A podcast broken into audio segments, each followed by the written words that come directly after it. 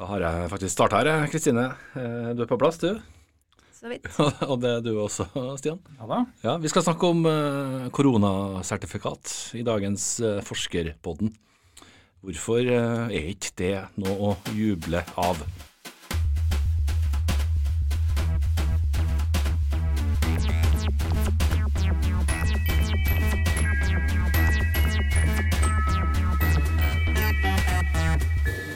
For det har seg sånn at uh, det skal lanseres et uh, koronapass nå, sannsynligvis. Eh, det gjør det at eh, dem som er vaksinert, dem som allerede har hatt eh, viruset i kroppen, eller dem som kan vise en fersk eh, negativ test, eh, kan både reise og dra på konsert og andre ting vi savner fra livet før eh, mars 2020. Men hvorfor trenger ikke det her å være eh, bare bra? Det skal Forskerpodden handle om i dag. Velkommen tilbake til Forskerpodden, som er NTNU Samfunnsforsknings egen podkast. Vi tar opp i studio på Dragvoll i Trondheim. Navnet mitt er Vegard Smevold. Stian Antonsen, hva gjør det med den eh, norske dugnadsånden når eh, enkelte heldige av oss kanskje kan dra til Gran Canaria i sommer, mens eh, sånne som meg og deg i 40-årene må bli hjem? Det er noe litt sånn uh, halvveis med en uh, halv dugnad, da. Det er, det har vært mye snakk om uh, fellesskapet og det felles løftet og liksom den kollektive prestasjonen det er å komme gjennom en pandemi. Og nå er det noen som kan eh, si, begynne å regne seg som ferdig, og så er det noen andre som sitter igjen med tiltaksbyrden eh, betydelig mye lenger for noen. Samtidig som eh, livet vender tilbake til normalen foran øynene på dem. Ja, sant.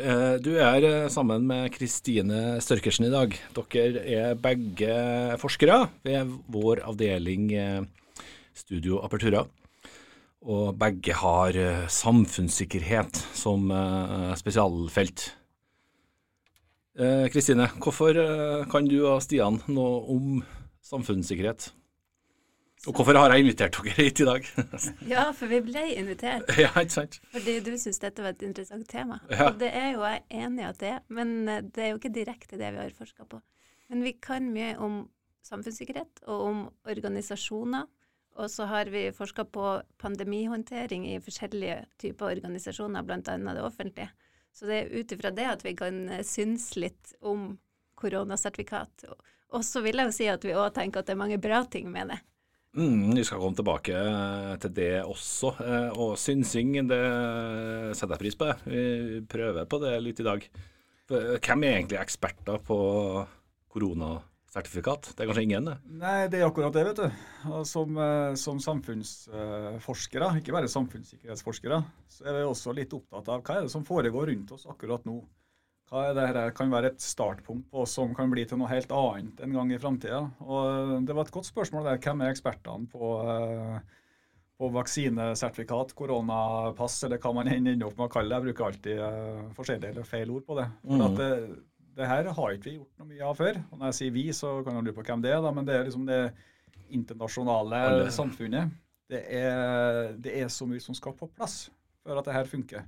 Og det å eh, bestemme seg for en løsning og implementere den, rulle den ut eh, enkelt og greit, det, jeg tror det er mye mer komplisert enn som så. Mm. Jeg bare føyer på det som Kristine sa, at det, det er jo masse å juble over når det gjelder eh, at vi er i gang langt fremskreden eh, vaksineprosess. da.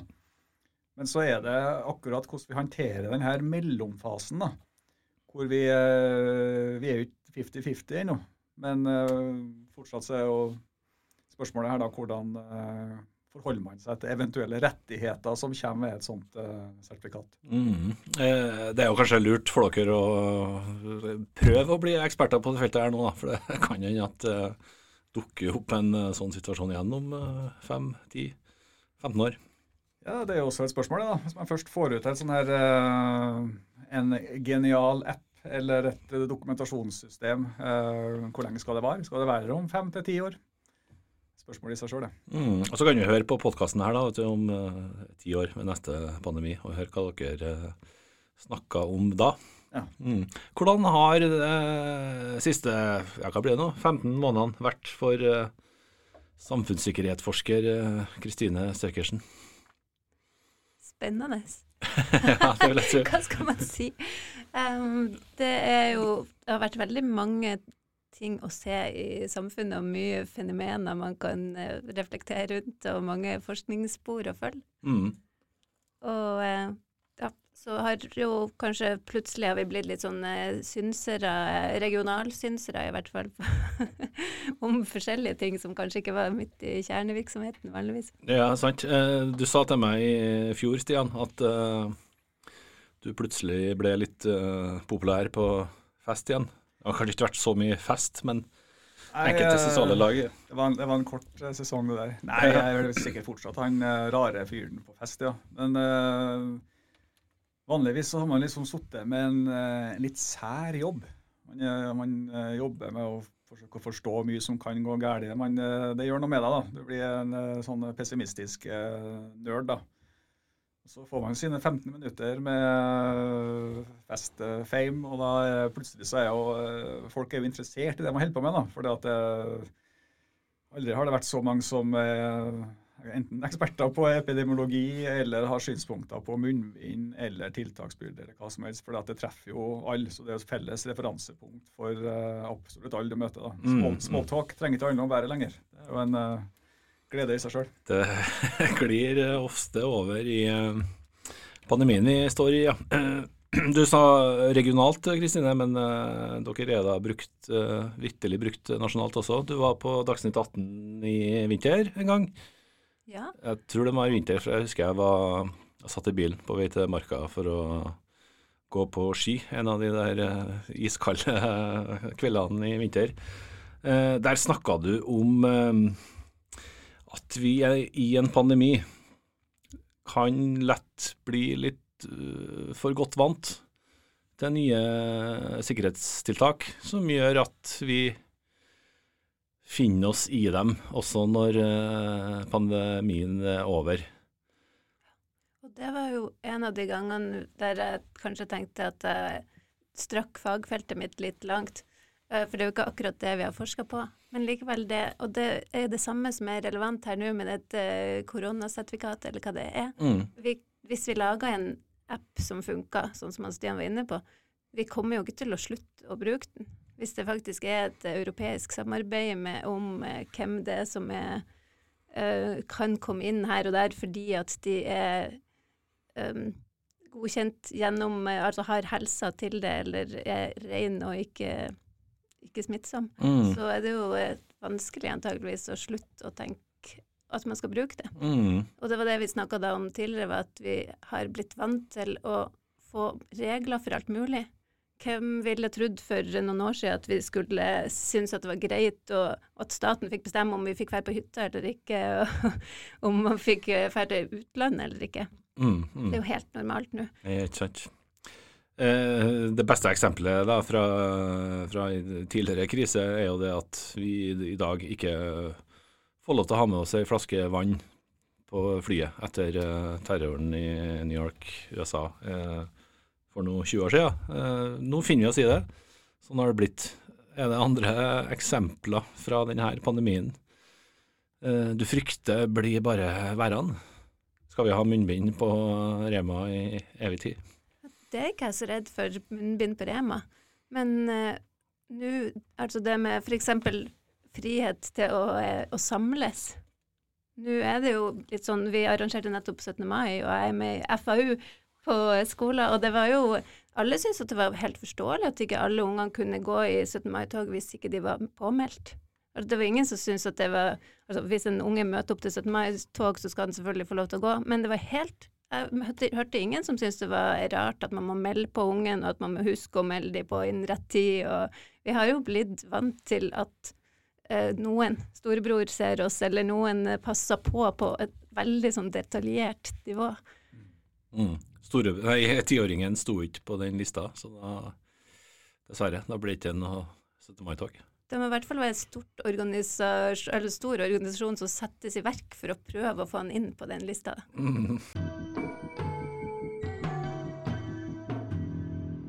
Vi må snakke om det her eh, koronasertifikatet. Det har blitt kalt litt uh, forskjellig. Koronapass, uh, vaksinepass. Nå tror jeg det er på en måte koronasertifikat. Uh, for det er ikke bare for de som har hatt korona. Eh, ikke et koronapass, men eh, du kan f.eks. få en eh, negativ test, og da har du tilgang til det passet du også. Hva er det som er bra med det? Dere var litt inne på det. Er det noen grunn til å juble? Litt? Ja, Det er masse grunn til å juble for, økonomien. Så er det jo ingen tvil om at det er grunn til å juble. Både nasjonal økonomi og ja, regional for den del òg. Altså det, det, å holde hjulene i gang i spesielt tjenesteytende næring. da. Og det er jo også eh, altså, Selv for dem som ikke får eh, den friheten som ligger i å, å reise og gå på, på, solsiden, så er det jo en eh, Det synliggjør at det har en slutt, det her, da. Og det, selv om det er jo eh, frustrerende mye forsinkelser rundt eh, vaksineleveranser, så, så, man ser jo liksom et målflagg eh, framme her, da. Men eh, så er det noe med dere Bare tenk på de ordene vi bruker om det nå. Vi, altså pass og sertifikat.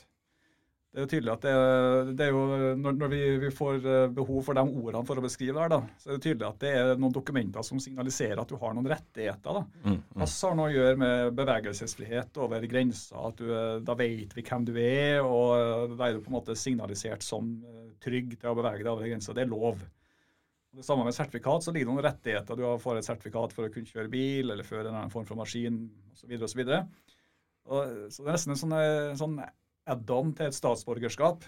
Som sier at eh, det kan du få lov til å gjøre, for du har det papiret, mens andre kan ikke gjøre det. da. Og det, Den er ikke helt uproblematisk med tanke på demokratiske rettigheter. da, At vi, vi gjør det på en måte eh, basert på medisinsk eh, status. Og hvis man da i tillegg skal hvis man skal forsøke å bredde det ut, så må du teste. Da må du teste deg før du skal inn på Stereofestivalen for å få bevist den samme statusen. Da. Og det Når man tenker etter hva det betyr, av organisering, av arbeid, av mulighet for falske sertifikater osv., det er helt enormt. Og det er et så stort apparat som skal funke før den, det du eventuelt viser fram i døra eller på flyplassen, faktisk uh, funker. da. Mm. Burde det hett noe annet, kanskje?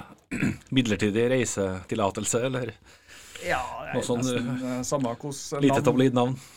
Ja, det er nesten samme hvordan navn du setter på det. så i det øyeblikket det gir veldig mening for oss å beskrive det som pass og sertifikat, så forteller det ganske mye om, uh, om hva det i realiteten er. At det er, en, det er noe som åpner dører til noen rettigheter som du har gjort deg fortjent gjennom at du er vaksinert, og da får du papir på at du er, du er ren. Mm. Nå har vel eh, da kommuneoverlege Tove Røstad, som vi ser i de lokale avisene her i Trondheim eh, hver dag, allerede sagt da, at kommunen neppe kan bruke egne ansatte til å stå ned på marinen og eller hvordan de skal gjøre det, og teste folk som vil inn på stereo. Er det forståelig at hun sier det? At kommunen eh, neppe har kapasitet til å legge til rette for det? Ja, Det har jeg absolutt all forståelse for. For det, det her er jo personell som eh, ellers skal være eh, og teste dem som har noen form for symptomer, som mistenker at eh, de kan smitte andre videre og bli syke sjøl.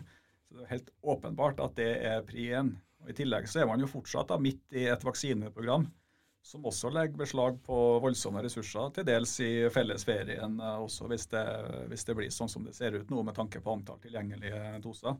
Kommunene er strekt eh, så langt de lar seg tøye altså når det gjelder ressurser. Så jeg sitter med en følelse av at de ikke trenger en massiv oppgave til på toppen av det. altså. Hvis stereo kommer med penger, da? er det det som kan skje, da? Ja, Du skal jo finne de folkene, da. Eh, du skal ha noen eh, som er godkjente eh, testere. Og jeg tror ikke det er veldig mange av dem som går arbeidsledig uten å ha noe å gjøre akkurat nå. i hvert fall. Pensjonister og frivillige kan stå og organisere vaksineringskø, men de kan vel neppe stikk nåla, eller stikke stikk den vattpinnen ned i halsen? Nei. Det, og det finnes det gode grunner til. Hva andre ting er du redd for, Kristine? Hvis vi skal snakke mer om det problematiske rundt det. Når vi først snakker om det praktiske, da. For jeg tenker det er både noen praktiske problemer, eller ting som kan være problematisk, og så er det og veldig mange ideologiske. Eh, men, eh, men, på det praktiske så syns jeg jo allerede at vi Eller jeg er allerede imponert over den, eh, det vi har fått til av å organisere til smittetesting og smittesporing og vaksinering og alt annet som handler om korona overalt i samfunnet. Og vi virker, eller mener vel at det, de aller fleste står på for fullt, og det er ingen organisasjoner som er på en måte på latsida og har ekstra kapasitet, bortsett fra da kanskje um, de som driver med turisme og sånt, og det er de man kanskje da skal hjelpe nå, eller de som driver med kultursektor og sånt. Og, uh, de, men i det øyeblikket vi da åpner for reiser, vi åpner for uh, festivaler og sånt, så er det da igjen dette praktiske apparatet rundt som skal kunne fungere for at denne eh, sertifikatet skal At man skal kunne stå der og vise dette sertifikatet. Eh, og, men hvor finner vi da de ressursene? Altså, um, vi snakker om nå selve testinga, um, og det vil jo da kanskje komme, måtte komme i, eh, i bolker, da, for det er det Tove Røstad snakker om, hvis da plutselig alle skulle ha det på stereo. Men så, og så tenker vi at vi kanskje vil ha det til alt mulig. I Danmark f.eks. så har de jo hatt det for å komme inn på butikker, eh, komme inn på studiesteder. Helt sånne ting som innebærer at må, altså på en måte hele befolkninga må teste seg veldig ofte. Eh, og da må man jo skalere opp hele systemet rundt. Og også på, det har vært masse problemer når det gjelder innreise til nå. Hvordan skal vi gjøre det med karantenehotell? Hvem er det som tar seg av hva? Hvordan kommer man seg til karantenehotell? Tenk på alle disse små praktiske tingene som har vært så vanskelig å løse over så mange måneder. Og så skal vi legge til alle disse til dette sertifikatet. Eh, og så skal det kanskje da bare vare noen måneder, eller i hvert fall det som blir sagt nå i denne måte, sommeren og høsten. Mm. Jeg syns det høres eh, slitsomt ut. jeg, blir, jeg blir sett på ryggen bare av tanken på hva norske kommuner kanskje belastes med i sommer. Altså. De har allerede antyda at, eh, at arbeidskapasiteten begynner å nærme seg et metningsnivå. Eh, det var 10 000 på kamper i Premier League denne uka, Stian. Jeg vet at du er interessert i både både festivaler og fotballkamper. Eh, ville du ha benytta deg av eh, sertifikatmuligheten sjøl, da? Vanskelig spørsmål. Eh, jeg har jo så lyst til å gjøre det jeg vanligvis gjør. Men jeg tror jeg skulle ha klart å holde meg i noen måneder til, altså. For det i tillegg til alt det, det, praktiske organisatoriske, alt det som må være på plass før det her funker, så har vi jo fortsatt en ganske stor sånn uh, ukjent variabel her. Men hvordan funker det her med tanke på smittevern òg? For hvis det er 50-50, da. Du har 50% som er vaksinert, og 50% som ikke er det. Uh, hvordan vil smittesituasjonen se ut i det scenarioet der? F.eks. hvis uh, nå er jeg i min husstand, så er jeg akkurat på den ene sida av denne 45-kohorten. da. ja, riktig. Så da, da, vil vi kunne havne i en situasjon hvor uh, da er jeg vaksinert, mens husstanden min er det ikke. Og så, uh, det her finnes det sikkert andre som kan mye mer om enn, enn det vi kan, da, men, men det er relativt nytt, det vi gjør. da, og Vi mm, vet mm. lite om, uh, om uh, hvordan vaksinene funker. Det ser jo veldig bra ut. da. Men, men det vi uh, ikke har råd til, det er en overraskelse der det faktisk viser seg at også de som er vaksinert, kan være smittebærere. At du sånn sett får en, en oppblomstring blant de 50 uvaksinerte, som i seg sjøl kan bli veldig vanskelig å håndtere, samtidig som du har et, et vaksinasjonsprogram, samtidig som man holder på å, å åpne opp på mange fronter. Det, det, er lett å bli litt sånn eh, Det er lett å tenke at en sånn forsiktighets-føre-var-strategi er ganske safe her, da. Når man ikke vet mye, så er det bedre å vente til enten kunnskapen øker, eller til at problemet blir mindre. Mm, du sier at du kan gjerne holde ut den her lille Det som forhåpentligvis er en liten uh, periode, da. Uh, men Kristine, hvor stor er frykten da, for at uh, det her ikke er noe midlertidig, det med det passet? At vi må ha det for å dra Jeg vet ikke hvor folk drar på juleferie, men må ha det for å dra til Thailand i desember også. Ja. Um, Sjøl om måtte, vi har blitt immune før den tid. Jeg prøver jo å tenke på det positive. Vi kan ha blitt immun. Det kan også vises at alle vaksiner fungerer helt flott, og at de som er vaksinerte, ikke sprer smitte. eh, vi kan og så kan vi tenke at det er kanskje mye lettere med et sånn her type, type koronasertifikat, som kanskje da kan kalles noe annet etter hvert, som er, gjør at det er lettere å få visum rundt omkring, og lettere å, å bevege seg. Eh, Sjøl med den vanlige reisevirksomheten som vi, som vi brukte å tenke var vanlig. Kanskje mm. det er mye lettere å ha alt på en app som, som er kanskje til og med et europeisk eller et globalt samarbeid. Det høres jo helt topp ut på mange måter. Men da, det som er den store frykta, er jo at vi da blir vant med å vise den mange plasser, og ikke bare i de her store uh, Altså, det alle kan kanskje Vi kan kanskje synes det er greit at noen får lov til å dra til Thailand, og andre ikke. Kanskje synes vi det er greit at noen får være på stereofestivalen, og andre ikke. Men det er veldig mange ting som ikke er greit at noen får, og ikke andre. Eh, og Rema, ja. ja, sant. Jeg er veldig eh, redd for at vi skal bli bare så vant med fordi at vi eh, Det er jo enkelt å vise ja, jeg har tatt eh, test, og jeg er trygg, og jeg kan eh, ta bussen uten å smitte noen, jeg kan gå på Rema, jeg kan gjøre alle de vanlige tingene. Men hva da, hvis jeg plutselig ikke kan det? Og skal vi gå rundt og bli vant til at noen skal ha denne kontrollen over oss? Og det er så utrolig mange ting å diskutere når det gjelder med rettferdighet og, mm, og likhet. Mm. Det er vel en menneskerett, Stian, å både ta buss og handle melk og brød på butikken, men dessverre ikke en menneskerett å dra på Ellen Road da, ennå. Nei, det tror jeg heller ikke det bør være. altså. For den, ehm, Det er også en menneskerett å, eh, å velge om du skal ta en vaksine eller ikke. Ikke sant. Nå, nå er jeg ikke redd vaksiner sjøl. Jeg kommer til å ta vaksine så fort jeg får mulighet til det. Men respektere respekterer og er villig til å kjempe for andre sin rett til å ta det motsatte valget. da. Mm, mm. Men hvis, du da, hvis at den friheten til å ikke ta vaksine kommer med en regning, i betydning at da er det jækla mye du ikke kan gjøre, så har du eh, laga en ganske vanskelig eh, deal. da. Og vi må huske på at det, det er liksom det er valg knytta til helse, det er informasjon knytta til helse. Det drar med seg ganske fundamentale rettigheter, og det drar med seg veldig sentral informasjon. Det er jo en grunn til at vi ikke går og, og flasher data fra Helse-Norge overalt. Det er jo fordi at det er noe av den mest personlige informasjonen du har. Mm. Og jeg er ikke helt happy med at det er den store målsettingen er å få det til å flyte fritt uh, verden over. da. Mm, du får reise fritt med en hiv-diagnose eh, i dag. Mm.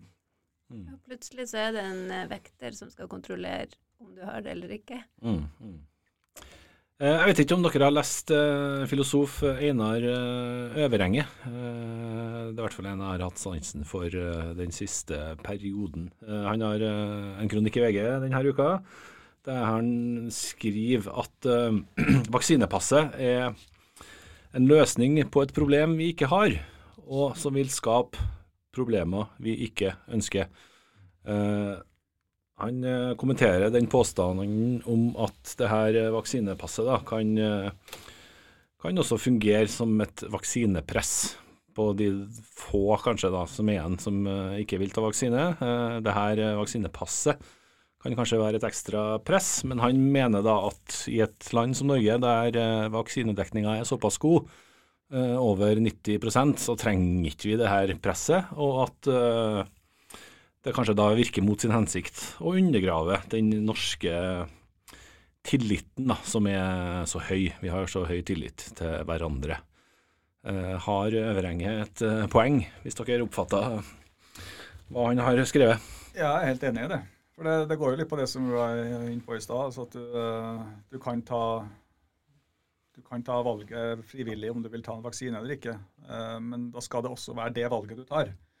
Og det valget er uproblematisk. Eh, det er litt sånn fangens dilemma-logikk, det der, da. Men, men eh, med en vaksinedekning, hvis du, hvis du bekker, som vi gjør, da, godt over grensa for flokkimmunitet, så er det et veldig lite problem nasjonalt da, for, for flokken. At man, eh, det er noen som velger å ikke ta den vaksinen. og Det kan ha veldig mange forskjellige grunner. Mm. Også bl.a. religiøs overbevisning. Mm. Og det er noen som ikke tåler det, da. Ja. Som jeg skjønner, ja. Jo, men det, jo, det, jo, det, det, ligger et element av livssyn i det som er en annen frihet vi har. da, for det, En ting er liksom om du, Vaksineskepsis høres ut som en sånn eh, det høres litt sånn negativt lada ut, men det kan jo være et helt verdisett som ikke er forenlig med akkurat det å ta den vaksinen. da, og eh, Det har vi rett til å gjøre i Norge. Så, så i det nasjonale perspektivet så, så er ikke denne her eventuelle 10% som ikke tar vaksine, er ikke noe problem. Men det er i det øyeblikket begynner å knytte en del rettigheter til det for å kunne bevege seg fritt, enten i eller mellom uh, land.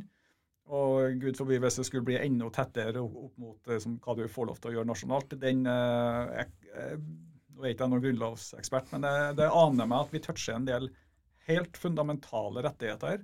Og da er det all grunn til å være på vakt. For det er jo i en krise altså når det dukker opp sånne nye løsninger, de dukker jo fordi at det haster.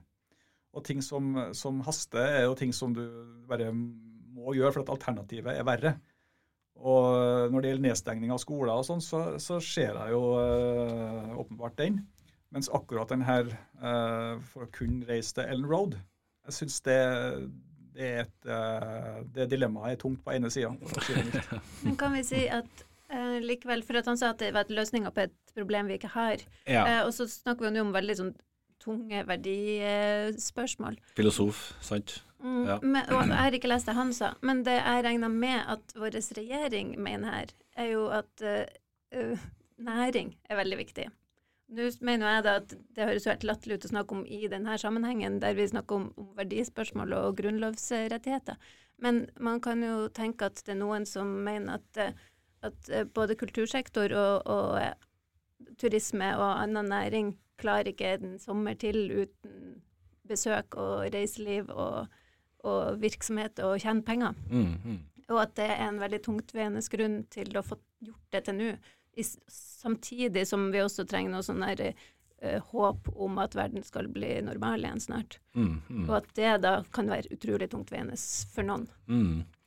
Det er vel det som gjør det også da at uh, spesielt sånn typiske reisedestinasjoner her i Europa har eh, pressa på, da, vil jeg tro, eh, på EU, eh, som da gjorde at siste nytt rett før vi satte oss i studio her, var at EU-landene ønsker å åpne grensa allerede i sommer for, for vaksinerte, eller med det her koronasertifikatet, da. Sånn at Spania og Hellas Italia kan ta imot uh, turister nå, kanskje allerede om et par uh, uker. Hvordan uh, tror dere det her går? Det, ja, det er stort stor spørsmål, da. Ja, nei, bare realisten i meg tilsier at med alt det organisatoriske og praktiske som skal være på plass før vi får en dokumentasjon som er til å stole på, så lurer jeg litt på om klarer vi det før uh, fellesferien. Uh, jeg, jeg, jeg, tror det er noen sånne praktiske plunder- og heftsaker her som, uh, som fort kommer til å ta litt tid, rett og slett. Men de har vist, altså Mange regjeringer nå har jo visst at de klarer å få på plass de her tekniske løsningene ganske kjapt. Norge har sikkert òg noen uante ja, ting, SCR med som de kan dra opp så lenge det er snakk om næringsvirksomhet. Eh, men, der, men har, vi har jo kollegaer fra Italia og Spania som har eh, snakka om at det, er, at det, er, merkelig at eh, turister får komme inn, mens de får ikke reise til sine feriesteder.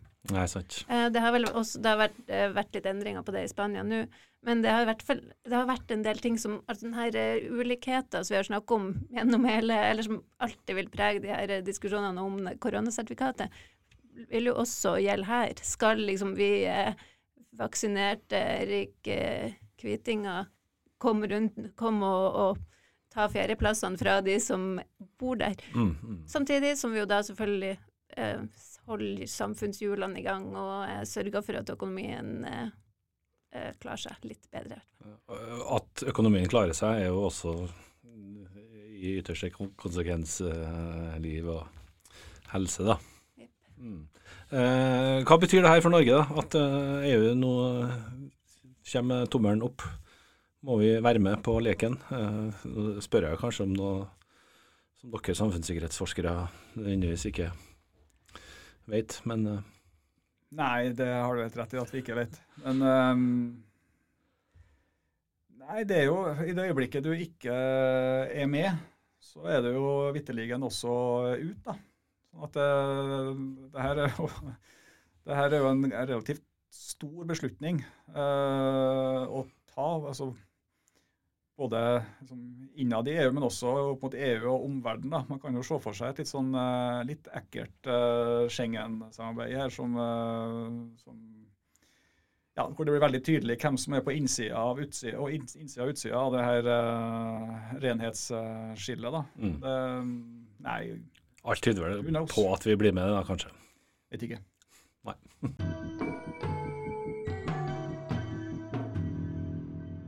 Eh, vi må kanskje innom noen små andre farer, altså, eller store farer. Eh, du snakka litt om storebror eh, ser oss, eh, Kristine. Er det helt uproblematisk at staten Norge vet hvor vi har beveget oss hen denne sommeren? Ledende spørsmål. Det vet de fra før. Det er ikke koronapasset som slår inn den døra. nei. Men det er problematisk at vi skal drive og flashe helseinformasjon overalt. Mm. På hvordan må- måtte jeg vite om det før, eh, Stian? Nei, det er bare et spørsmål om hvem som vil vite. Hvis jeg hadde uh, gjettet på hvis jeg hadde hatt ca. 30 000-40 000 kroner, så jeg kunne jeg fått kjøpt meg ganske detaljert informasjon om hvor du har vært hen. Det, det, du kjøper en tjeneste av Google på der, vet du. Eh, hvis du har Google Maps på telefonen din. Ja, det. Ja, Hvis ikke, så hadde jeg bare måttet bruke en annen eh, Det er så mye lokasjonsbasert sporing eh, fra før at eh, det slaget er nok tapt, med mindre man skal gå amish i teknologiske tilstander. Mm, mm. Men det er forskjell på at myndighetene gjør det systematisk, da. Ja, Har du Smittestopp-appen, Kristine? Ikke aktivert. Har du ikke aktivert den? Jeg får beskjed om at den er aktivert innimellom, fordi den jeg må slå av eh, bluetoothen min for at jeg skal ja, av eh, en høyttaler eller noe sånt. Nå får jeg varsling fra smitteappen, ja. Det er skuffende lite fra den smitteappen. Mine, men eh, jeg tar for gitt. Jeg har gjort alt jeg kan for, for at det skal være fullstendig gjennomsiktig hvor jeg er igjen. ja. Ikke sant. Eh, vi skal nærme oss en eh, konklusjon, men eh, først, eh, hvor lenge tåler vi denne uh, mellomfasen før vi har påført samfunnet en stor skade? Det der er litt sånn hvor bredt har du hoppa-aktig spørsmål. For vi, vi, det er vanskelig å ha noe referansepunkt på det. Det spørs hva man mener med samfunn, da. Men jeg, jeg må, jeg de siste året så har jeg virkelig blitt en, eh, en kommunens eh, mann. Det er altså helt ubegripelig hvor, eh, hvor mye eh, innsats og tilpasningsevne som er lagt ned i eh, i det å både håndtere den største krisen man har vært borti, samtidig som du for Trondheim sin del da, holder eh, hjulene eh, i gang i en eh, by på 200, år, en kommune med 205 000 eh, innbyggere. Mm. Det er ikke noe enkel jobb, altså. Men hvis en tenker oss som befolkning, så er det utrolig hva det blir vant til. Og man trenger ikke rare fragmenter av eh, liv for at man ser at det her, er- nå var det godt å kunne gjøre det igjen. da. Så tror den tåleevnen er, den har vist seg å være ganske høy, altså. Og så ser man også nå at det, det begynner å nå en sånn smertegrense. og At det, det skal ikke rare solgløtte til før det tyter ut med folk. og eh, ja, det der På et eller annet tidspunkt så, så må vi tilbake til normalen. Men hadde det vært sånn, da, for nå er jo det har vært mye snakk om at skuldrene senker seg litt. Men det er jo en grunn til at skuldrene senker seg litt. Og Det er jo fordi at uh, smittesituasjonen har i hvert fall inntil noen få dager siden vært veldig veldig positiv i Trondheim. Samtidig som vaksineprogrammet går sin litt for trege, men dog ganske faste gang. Hadde det vært sånn at vi hadde 150 uh, smitta i Trondheim nå, jeg er ganske sikker på at det hadde vært mer å hente hvis vi hadde måttet holdt ut litt til. Ikke sant. Mm. Hva tenker du, Kristine? Uh, jeg tenkte på i stad når jeg snakka om um, det her at vi har blitt så veldig gode til å følge regler og vant til å følge regler, men vi har jo også blitt eller i hvert fall ganske mange har blitt gode til å, å, tenke litt pragmatisk på hvilke regler er det egentlig jeg skal gidde å følge nå. Altså faktisk tenke over reglene, om de passer egentlig inn i situasjonen nå, og hvordan jeg kan forholde meg til dem og fortsatt få gjort det jeg vil. Uh, og et, stort sett så tror jeg det er veldig bra. Det er jo ikke sånn at vi bare drar ut og drar på fest og, og på en måte er, helt sinnssyke. Eller også normal, som man ville kalt det for noen år siden. Uh, det, vi har forandra oss, men, uh, men jeg, jeg, tror det er sunt at vi også tenker litt over reglene og gjør, gjør egne valg. Sånn på sikt. Mm. Stian, to fingre i været. Ja, jeg tror uh, hadde vi hatt uh, Espen Nakstad eller uh, representanter for FHI uh, Ådyr her nå, så ville de nok ha sagt at det er nok noe sånt man må gjøre. For det, det, er jo helt umulig å, å, sitte på sentralt hold og lage detaljerte regler for alle mulige scenarioer. Det går jo rett og slett ikke an. De ønsker å gi oss noen rettesnorer som, som vi noen gang skal følge helt ordrett. Men som også handler om at vi skal gjøre noen risikovurderinger for uh, den situasjonen vi er i akkurat nå. da. Og så har vi jo sett at den, den grensa på ti personer er det noen som har uh, vært litt uheldige og trakka over gjentatte eller ikke gjentatte ganger, men det er flere som har trakka over dem. da. Så noen grenser er ganske sånn absolutt. Men eh, vi ser det jo rundt eh, f.eks. Eh, russetida nå, at det, det, gjøres noen pragmatiske valg for at det skal være nok innafor, samtidig som det går an å leve. Mm. Og jeg tenker at det er, det er litt der det må være. At det gjøres vurderinger ut fra den situasjonen man skal inn i om uh, ti minutter og en dag. Det var noen eksempel eh, på det der i påska, husker jeg. Der en familie da, på fire kunne ha besøk av to besteforeldre i en trang leilighet. Det var lov. Men de fire kunne ikke dra på besøk i villaen til besteforeldrene. Da er man akkurat de samme personene. man drar til en plass til større plass. Ja. Men i og med at det da ble fire gjester og ikke bare to, så var ikke det innafor. Men Espen Nakstad sa vel at her må man tenke litt sjøl, da. Det er akkurat det jeg tenker på. Situasjonen eh, Du har valget mellom å, eh, si, Hvis du vil ha det besøket, da. Mellom å etterleve reglene i, med et dårlig alternativ, eller du justerer dem og får et bedre alternativ, altså bedre smittevernmessig alternativ. Absolutt, ikke sant. Og da, eh, Den konklusjonen gir seg sjøl. Mm. Skal vi eh, konkludere rundt det her med koronasertifikat også? Ja eller eh, nei? Spørs eh, hvilken hatt man tar på seg. da. Eh, hvis man hadde vært eh, eier av en eh, campingplass eller eh, en bedrift i reiselivet, så er det helt klart Jeg forstår at eh, det, det, svaret nesten nødt til å bli ja, av hensyn til økonomien. Av hensyn til Kall det mer et sånn rettighetsdemokrati, veldig norsk likhetstankegang, så er svaret nei. Og med tanke på alt det praktiske som skal funke før det her funker, så er også mitt svar en nei, vil jeg si. Jeg tenker sånn småskala, at det kan funke. Altså vi gjør noen tilpasninger nå, som gjør noen får vondt på ferie, noen får eh, hatt åpen virksomhetene sine. Uh, så, men så trenger vi jo ikke gjøre det til en svær, svært koronasertifikat som egentlig skal gjelde alle, og som kan brukes til å komme inn på alt mulig slags eh, festivaler og alt mulig slags eh, eh, arrangement eller butikker over tid. Ja.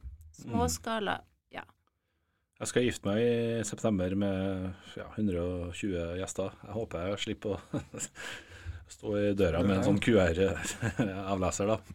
Da får du Håper da jeg. kanskje hatt et stort eh, bryllup, hvis det blir noe eh, sertifikat. Ja, ikke sant. Det du gjør, er at du stiller deg i døra med en eh, par wattpinner og en sånn test, så får du hele gjengen inn. Ikke sant. Takk for i dag, Stian Antonsen og Kristine Størkersen. Det ble da 40 minutter eh, drøfting det her rundt eh, koronasertifikat. Så får vi høre på det om ti år òg, og høre om eh, hvor verden står hen da, etter kanskje enda verre pandemi. Eh, Du har hørt på Forskerpodden, som er NTNU Samfunnsforsknings egen podkast. Navnet mitt er Vegard Smevold. Vi høres neste gang.